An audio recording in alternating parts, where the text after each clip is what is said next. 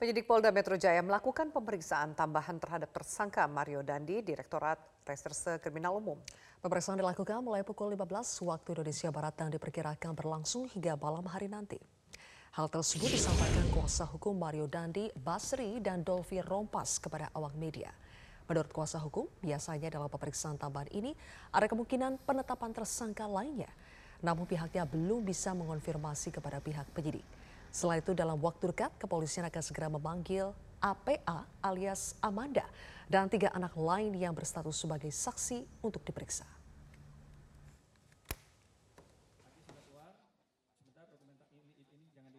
Ada beberapa penyidik. Kalau memang ada pihak-pihak yang terlibat dalam kasus ini, kenapa tidak? Kan tidak ada yang kebal hukum. Equality before the law ya. Tidak ada yang kebal hukum, bos. Karena klien kami ini kan ceritanya kan dapat informasi, sumber informasi dari APH ya. Terus klien saya ini apa disampaikan di dalam BAP. Itu fakta hukum. Jadi apa yang disampaikan klien kami di BAP itu harusnya penyidik menelusuri dong. Motifnya sampai di mana dan harus didalami penyidik itu. Jangan sampai di AG ya enggak?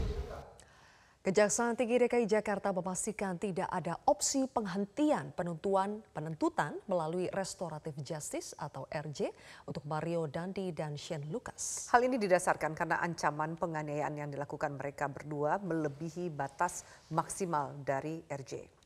Informasi terbaru ini meralat pernyataan Kepala Kejaksaan Tinggi DKI Jakarta, Reda Mantovani, yang menengok David Ozora di Rumah Sakit Mayapada Jakarta semalam. Disebutkan pernyataan yang disampaikan Reda ditujukan untuk pelaku AG yang berkonflik dengan hukum. Tawaran restoratif justice kepada AG dilakukan dengan mempertimbangkan masa depan anak sebagaimana diatur dalam Undang-Undang Perlindungan Anak. Selain itu AG juga dinyatakan tidak secara langsung melakukan kekerasan terhadap korban. Namun demikian bila korban dan keluarga tetap tidak memberikan upaya damai kepada AG, Kejati DKI Jakarta tidak akan melakukan upaya restoratif justice.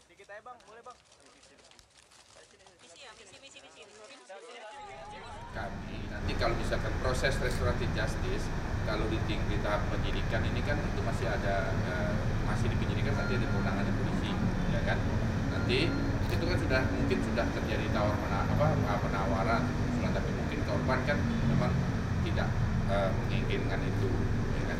nah namun nanti di tahap berikutnya misalkan di tahap sudah diterima kepada kami proses itu pen, kami akan tetap menawarkan apakah ini akan dimaafkan secara yuridis sehingga dapat dilakukan uh, proses tadi arti restoratif justice kalau memang korban tidak menginginkan ya proses jalan terus proses RJ itu dilakukan apabila kedua belah pihak memang menginginkan perdamaian dan tidak ingin melanjutkan lagi perkara itu.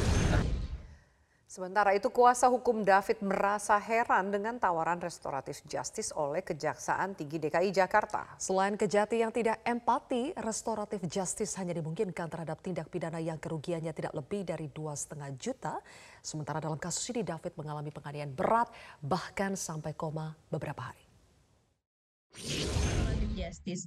Makanya ketika kita mendengar terkait adanya wacana restoratif justice, tentu kita melihat ini uh, tidak sesuai dengan hukum normatif ya karena yang kita ketahui dalam restoratif justice itu hanya dimungkinkan terhadap tindak pidana ringan ya di mana kerugian terhadap korban ini tidak lebih daripada dua setengah juta. Jadi aneh sekali dan membuat kita uh, timbul pertanyaan mengapa wacana restoratif justice ini dimunculkan terhadap penganiayaan berat terencana yang dialami David dan bahkan sampai detik ini sampai 25 hari David belum juga uh, memiliki kesadaran secara kualitatif dan masih dirawat intensif di ruang ICU sehingga tidak tidak uh, apa memperhatikan uh, apa namanya perasaan dan juga logika kita sebagai orang hukum ya kami kuasa hukum juga empati terhadap keluarga jika ada wacana-wacana terhadap restoratif justice.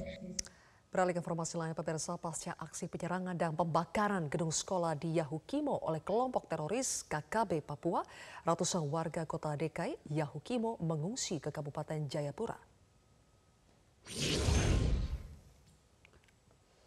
Beginilah situasi saat 261 warga kota DKI Yahukimo mengungsi ke Kabupaten Jayapura yang difasilitasi TNI dengan menyediakan pesawat Hercules milik TNI AU pada Kamis siang kemarin. Kabit Humas Polda Papua Ignatius Beni Adi Prabowo membenarkan hal ini namun bukan karena merasa takut terhadap teror KKB Papua, melainkan karena kebutuhan dan juga memanfaatkan bantuan transportasi dari TNI. Meski sudah difasilitasi mengungsi, tidak semua warga meninggalkan kota DKI. Saat ini Polda Papua telah mendapat personil untuk membantu Polres Yahukimo dalam pemulihan keamanan di Yahukimo.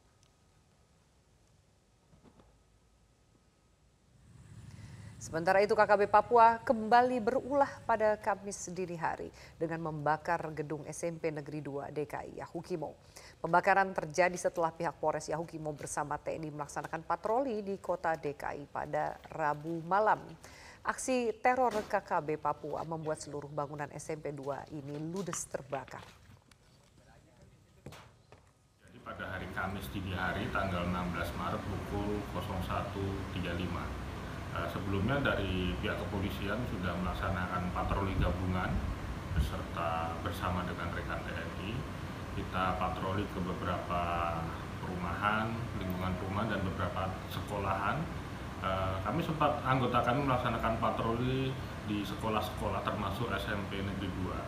Jadi pelaksanaan patroli mulai dari pukul 8 sampai pukul 1.15 dini hari. Kemudian pada saat anggota sudah selesai patroli konsolidasi, sekitar pukul 1.35 mendapatkan laporan dari masyarakat eh, penjagaan Polres bahwasanya ada kebakaran-kebakaran api di sekolah SMP Negeri 2. Berikutnya pemirsa, hingga kini proses pembebasan pilot Susi Air Kapten Philip Smart Martins masih belum membuahkan hasil. Proses pembebasan dilakukan dengan hati-hati tanpa kekerasan dan melibatkan elemen masyarakat. Dan Rem 172 Praja Wirayakti Brigjen TNI Juwinta Ombo Sembiring selaku dan Kolakops TNI mengatakan proses penyelamatan pilot cukup lama karena KKB pimpinan Egy Adus Kogoya yang menyandera pilot berkebangsaan Selandia Baru itu terus berpindah tempat. Selain itu kelompok Egyanus Kogoya juga sudah terbagi ke daerah lain untuk membuat aksi anarkis dengan tujuan memecah konsentrasi aparat dalam penyelamatan ini.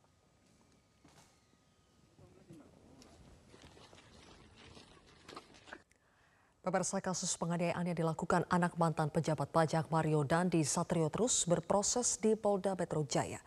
Minggu lalu penyidik menggelar rekonstruksi penganiayaan Mario CS kepada David dengan memperagakan 40 adegan.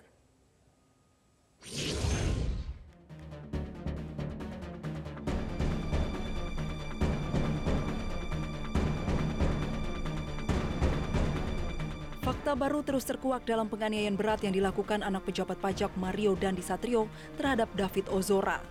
Dalam rekonstruksi tersebut, 40 adegan diperagakan para tersangka, mulai dari perencanaan, aksi penganiayaan, hingga pasca penganiayaan. Dalam rekonstruksi, dua tersangka dihadirkan, Mario Dandi Satrio dan Shane Lucas, sementara itu pelaku anak AG tak dihadirkan lantaran masih di bawah umur. Fakta baru pun terungkap pada reka adegan aksi penganiayaan membabi buta yang dilakukan Mario Dandi. Bahkan usai melakukan penganiayaan dengan menendang kepala korban David dengan free kick, Mario Dandi melakukan selebrasi ala pesepak bola Cristiano Ronaldo. Dalam rekonstruksi, kuasa hukum korban David Melisa Anggraini mengungkap saat aksi penganiayaan Mario terjadi, pelaku lain turut memprovokasi. Terkait pada saat rekonstruksi penganiayaan yang dilakukan oleh tersangka Mario. Pertanyaan saya sederhana sekali kepada uh, kuasa hukum baik itu S ataupun MDS ataupun anak berkonflik hukum AG. Kepada pada saat tersangka MDS ini melakukan penganiayaan, kalaulah itu bukan turut serta, kalaulah itu bukan ikut memprovokasi, apakah mereka ini tidak punya mata gitu ya? Karena ketika satu kali dilakukan tendangan, baik itu, itu anak korban sudah jatuh. jatuh. Namun kuasa hukum Shane, Happy SP Hombing keberatan atas pernyataan kuasa hukum korban David. Menurutnya tersangka Shane hanya merekam. Saya keberatan itu dikatakan untuk yeah. provokasi. Karena jelas faktanya uh, klien kami ini, si Shane ini, itu hanya sebatas untuk merekam. Jadi dia tidak ada kata-kata atau ujaran-ujaran pada saat momen itu. Mungkin uh, Jadi- jadi rekan kalau- Happy nggak mendengar karena waktu rekonstruksi ada kata-kata pada saat mau dilakukan free kick itu tersangka S menyampaikan, Den enak nih main bola. Gimana tuh Pak? Enak nih main bola. MDS menyampaikan begitu. Apakah itu bukan kata-kata provokasi? Sebentar. Bisa dijawab Jadi, dulu Pak Happy. eh, sepengetahuan saya di BAP tidak ada seperti itu. Jadi eh, yang ada adalah bahwa pada saat sudah dilakukan oleh si Mario tanpa ada asutan provokasi dari klien kami, memang di dalam BAP-nya dia mengatakan memang ditanya itu. Jadi memang dia ada mengucapkan bahwa selebrasi itu kayak se- bukan bukan selebrasi. Selebrasi itu kayak uh, Ronaldo itu. Ciu. Iya, Oke. Ronaldo. Jadi tendangan Ronaldo itu. Tapi kalau soal free kick itu juga jelas. Dalam BAP saya ikut mendampingi.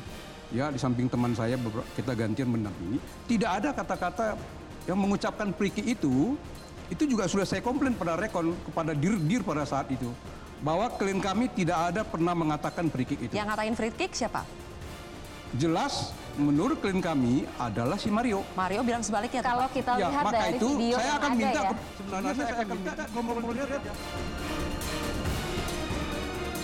Terkait kasus penganiayaan terhadap David Ozora, Kejaksaan Tinggi DKI Jakarta telah menerima berkas perkara pelaku anak AG. Menurut Kajati DKI Jakarta, berkas pelaku anak AG terlebih dahulu diterima lantaran yang bersangkutan masih dalam kategori anak.